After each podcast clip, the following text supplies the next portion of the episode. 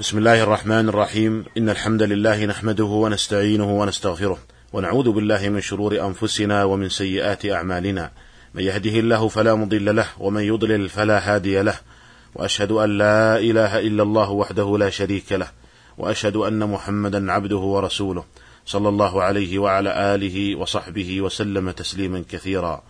أيها الإخوة المستمعون السلام عليكم ورحمة الله وبركاته. لا يزال الحديث موصولا عن أحكام زكاة عروض التجارة. وكانت آخر مسألة تكلمنا عنها في الحلقة السابقة هي شروط وجوب زكاة عروض التجارة. وذكرنا أنها ثلاثة شروط. الأول أن يملكها بفعله فإن ملكها بإرث لم تجب فيها الزكاة. الثاني أن ينوي بها التجارة فإذا لم ينوي بها التجارة لم تجب فيها الزكاة. الثالث أن تبلغ قيمتها نصابا.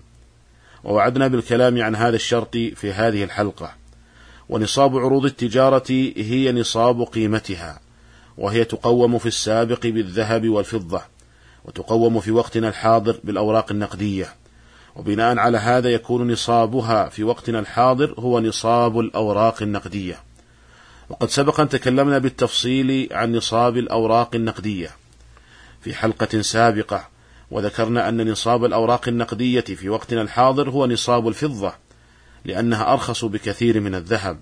وبناء على هذا يكون نصاب زكاة عروض التجارة هو أن تكون قيمة العروض قيمة نصاب الفضة وهو 595 جراما أي في حدود 500 ريال تقريبا في الوقت الحاضر.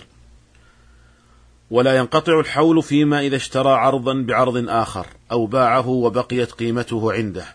مثال ذلك رجل عنده محل أواني يتاجر فيها فإذا باع آنية من هذه الأواني واشترى بقيمتها أواني أخرى فإن الحول لا ينقطع. وهكذا لو باع هذه الآنية وبقيت قيمتها عنده فإن الحول لا ينقطع وذلك لأن وضع التجارة مبني على التقليب والاستبدال بالعروض والأثمان. ولو قيل بانقطاع الحول في هذه الحال لبطلت زكاة عروض التجارة لأن المتاجر في العروض لا يبقى العرض عنده سنة كاملة لم يبيعه في الغالب بل إنه يبيعه ويشتري بقيمته عرضا آخر وهكذا. وإنما ينظر هذا الذي عنده عروض تجارة إلى ما في محله من عروض معدة للبيع وكذا ما عنده من نقد هو قيمة لعروض قد باعها. فيزكيها جميعها عند تمام الحول. مثال آخر رجل عنده قطعة أرض قد نوى بها التجارة ومضى على ذلك عشرة أشهر ثم باعها بمئة ألف ريال مثلا فإنه يجب عليه أن يزكي المئة ألف ريال بعد شهرين فقط إذا بقيت عنده ولا يستأنف بالمئة ألف ريال في هذا المثال لا يستأنف بها حولا جديدا لكن لو اشترى بها سيارة ليستعملها لم يبني على الحول ولم تجب فيها الزكاة. وهكذا لو اشترى بها سائمة من بهيمة الأنعام لم يبني على حوله وإنما يستأنف حولا جديدا لهذه السائمة إذا بلغت نصابا وذلك لاختلافهما في المقاصد وفي النصاب وفي المقدار الواجب. وبناء على هذا لو كان عنده عروض ملكها في شهر رمضان مثلا ثم اشترى بها سائمة في شهر صفر فإنه لا يبني على حول العروض وإنما يستأنف بها حولا جديدا أي أن الحول عنده يبتدئ في هذا المثال من شهر صفر. وهكذا لو كان الأمر بالعكس فلو كان عنده أربعون من الغنم ملكها في شهر رمضان ثم باعها في شهر محرم واشترى بها عروضا كسيارة أرادها للتجارة. فلا يبني على حول السائمة وإنما يستأنف حولا جديدا. أي أن الحول عنده في هذا المثال يبتدئ من شهر محرم.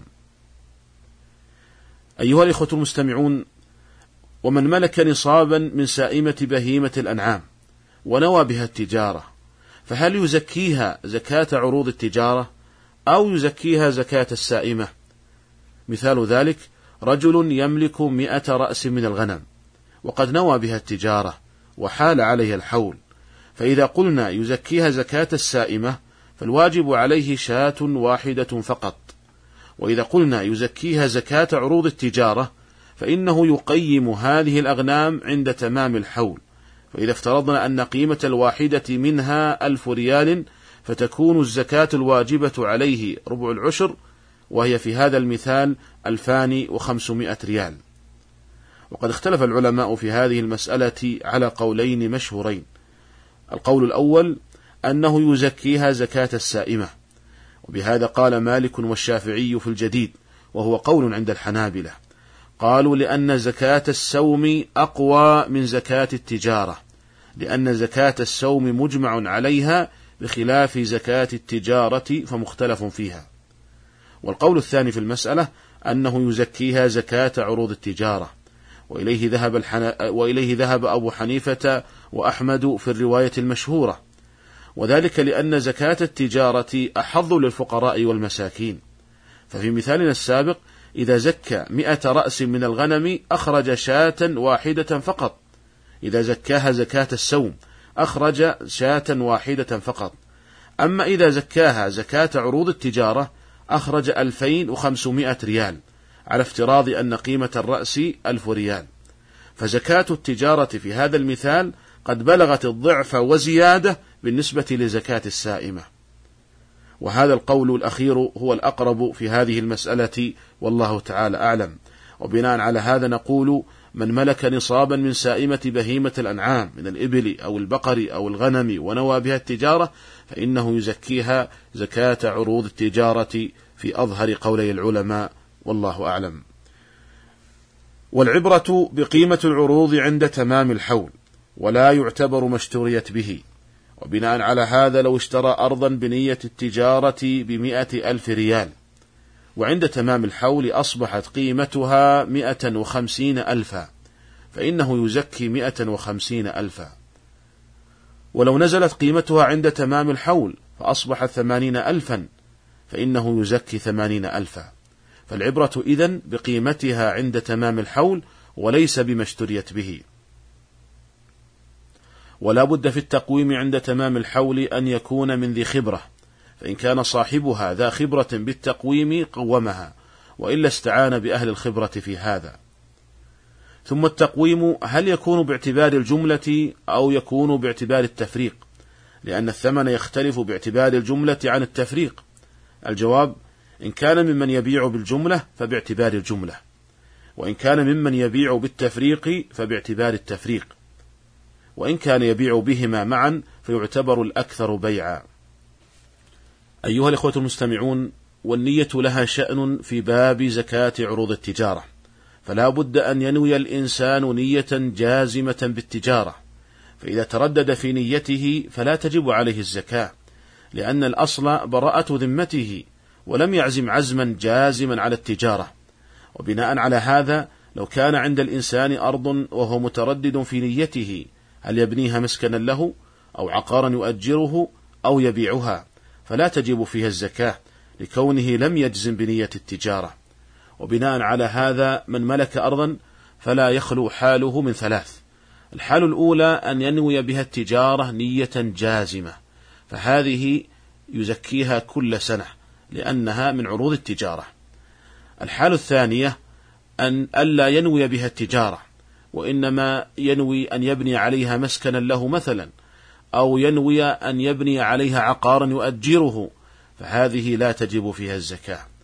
الحال الثالثة أن يكون مترددا في نيته فلم يتضح له بعد هل يبني عليها مسكنا أو أنه يبيعها فلا تجب فيها الزكاة مع هذا التردد لأنه يشترط لوجوب الزكاة في عروض التجارة أن ينوي وأن يعزم عزما جازما على التجارة.